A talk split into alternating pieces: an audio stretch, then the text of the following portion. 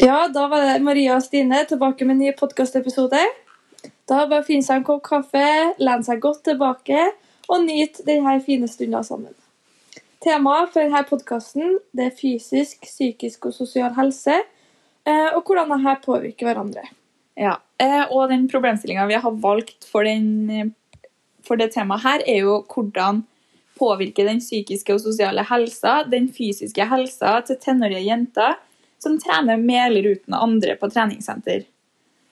Og vi vet jo at jenter i tenårene er en sårbar gruppe som lett kan påvirkes av ulike faktorer og hendelser som skjer i denne perioden av livet.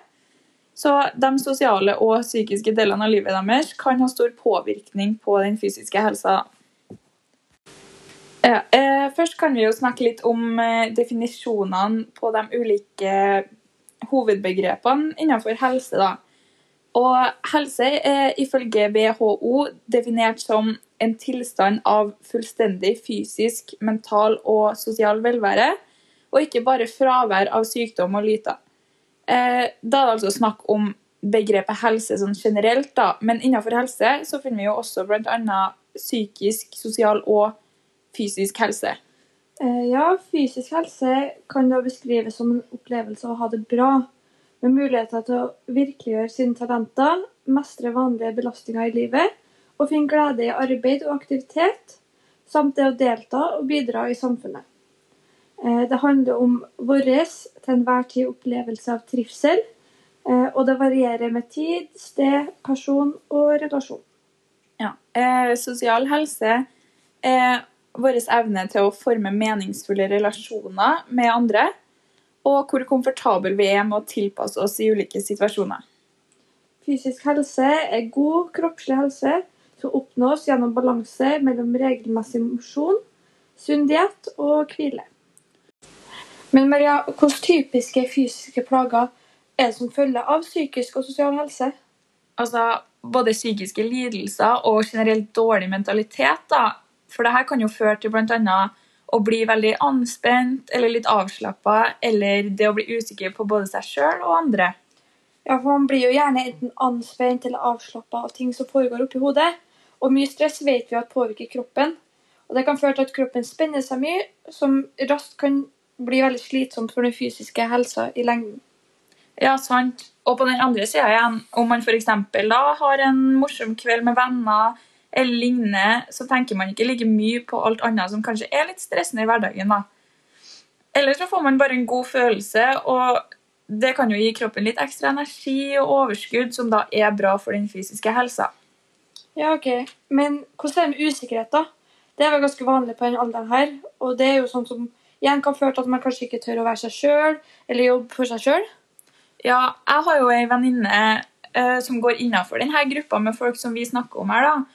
Og hun tør jo bl.a. ikke å trene på det hun trenger, siden hun ser andre sterke på treningssenteret, og hun tror at de syns at hun er dårlig trent.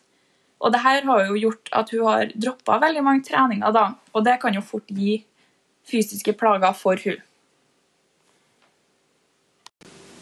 Men det å være sosial, da, hva vil du si er de helsemessige fordelene av det?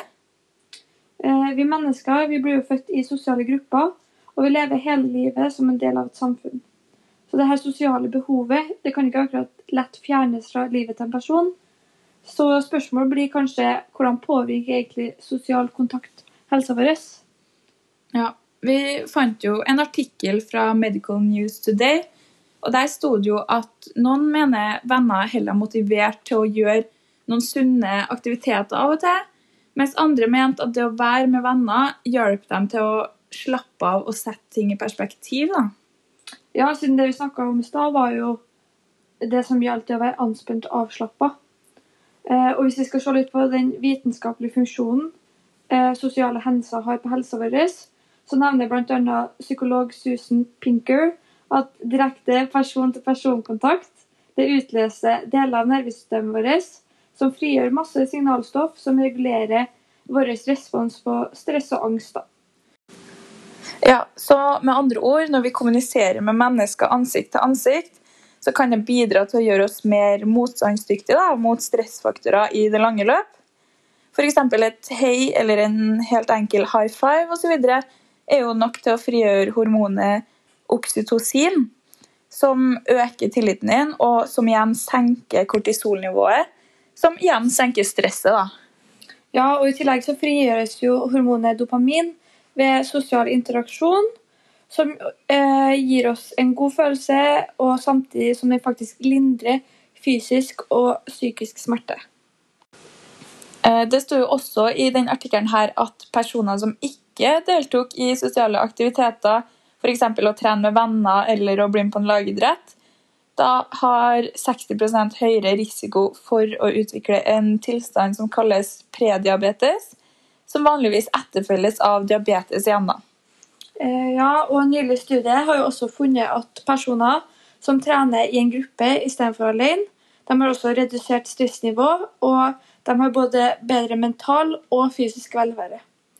Eh, og andre jevnaldrende som eh, gikk på treningsøkter alene, de har ikke opplevd den samme forbedringene. Ja, så altså, eh, De felles fordelene ved å komme sammen med venner og kollegaer og gjøre noe vanskelig, samtidig som de oppmuntrer hverandre, gir da utbytte utover å trene alene. Eh, ved å trene flere sammen på trening og oppmuntre hverandre, som du sier, gjennom de vanskelige oppgavene, vil det gi mye bedre utbytte enn dersom man skulle trent alene igjen. Ja, og I tillegg så har jo studier vist at de som har et nært vennskap i tenårene, ikke bare er lykkeligere som ungdommer, men de har også en lavere grad av depresjon eller angst senere i livet. Ja, så Hvis man har dårlig sjøltillit eller mentale plager som gjør at det kanskje ikke er så lett å dra på treningssenter alene, så kan jo dette bli et problem for den fysiske helsa over tid. sant? Ja, siden dersom man ikke har noen å forholde seg til, når man ikke trener med noen eller i en gruppe, så blir det jo heller ingen andre enn deg sjøl å skuffe. I motsetning til om man ikke møter opp på treningene til laget, da. Og Dette kan jo igjen føre til at man forventer både mindre av seg sjøl, og at man gjør mindre for egen helse. Men eh, hvis du skulle ha sagt litt om hvordan det funker den andre veien, da? Hvordan påvirker liksom den fysiske helsa mentaliteten igjen? Eh, vi kjenner jo alle til den herlige følelsen som kommer etter en god treningsøkt. Eh, og Dette kommer da av at kroppen utløser endorfiner. Og de her hormonene frigjøres da naturlig i kroppen og kaller ofte for kroppens eget morfin. Eh, og Dette gir en god følelse av lykke og ekstase. Forbindelsene mellom mental og fysisk helse. Vi har alle blitt lært at fysisk aktivitet er nødvendig for å forhindre sykdom og forbedre forventa levealder. Samtidig er trening og fysisk aktivitet vanligvis ikke sett i like stor sammenheng med mental og sosial helse. I perioder med psykiske problemer tenker de fleste av oss ikke på å trene. Noen ganger nemlig reaksjonene våre på følelsesmessig stress langt ifra å gjøre noe som omhandler fysisk aktivitet. Eh, ja, for i slike perioder kan det være lett å ta opp usunne vaner, som f.eks. å ha et lite variert kosthold, røyking, kanskje narkotikabruk og festing. Og dette er da faktorer som vi vet spiller en stor rolle. Men det har faktisk vist seg at det å trene konsekvent kan redusere angst, depresjon og negativt humør generelt, og som igjen forbedrer sjøltilliten og den kognitive funksjonen. Men hvor mye trening er egentlig nødvendig for å påvirke den mentale helsa, som igjen er viktig for å få god fysisk helse? Studier har jo vist at trening i 30 minutter med moderat intensitet tre ganger per uke kan ha betydelige psykiske fordeler. Ja, eh, gjennom denne podkasten har vi jo sett på mange sider av temaet. Og vi vet at det finnes mye forskning på hvordan fysisk, psykisk og sosial helse påvirker hverandre. Og det gjør jo at vi lett kan konkludere med at ja, psykisk og sosial helse påvirker den fysiske helsa veldig mye, både positivt og negativt, i alle fall for jenter i tenårene. Eh, ja, og det å trene med venner framfor å trene alene har jo veldig stor positiv virkning på den sosiale og psykiske helsa, som sagt. Eh, som igjen har en positiv effekt på den fysiske helsa. Så ja, dersom man vil ha en god fysisk helse, så er det kanskje greit å ha det fint med seg sjøl og sørge for at man pleier den mentale helsa i tillegg. Eh, så at man ikke bare fokuserer på hva andre tenker, og at man sammenligner seg sjøl med andre.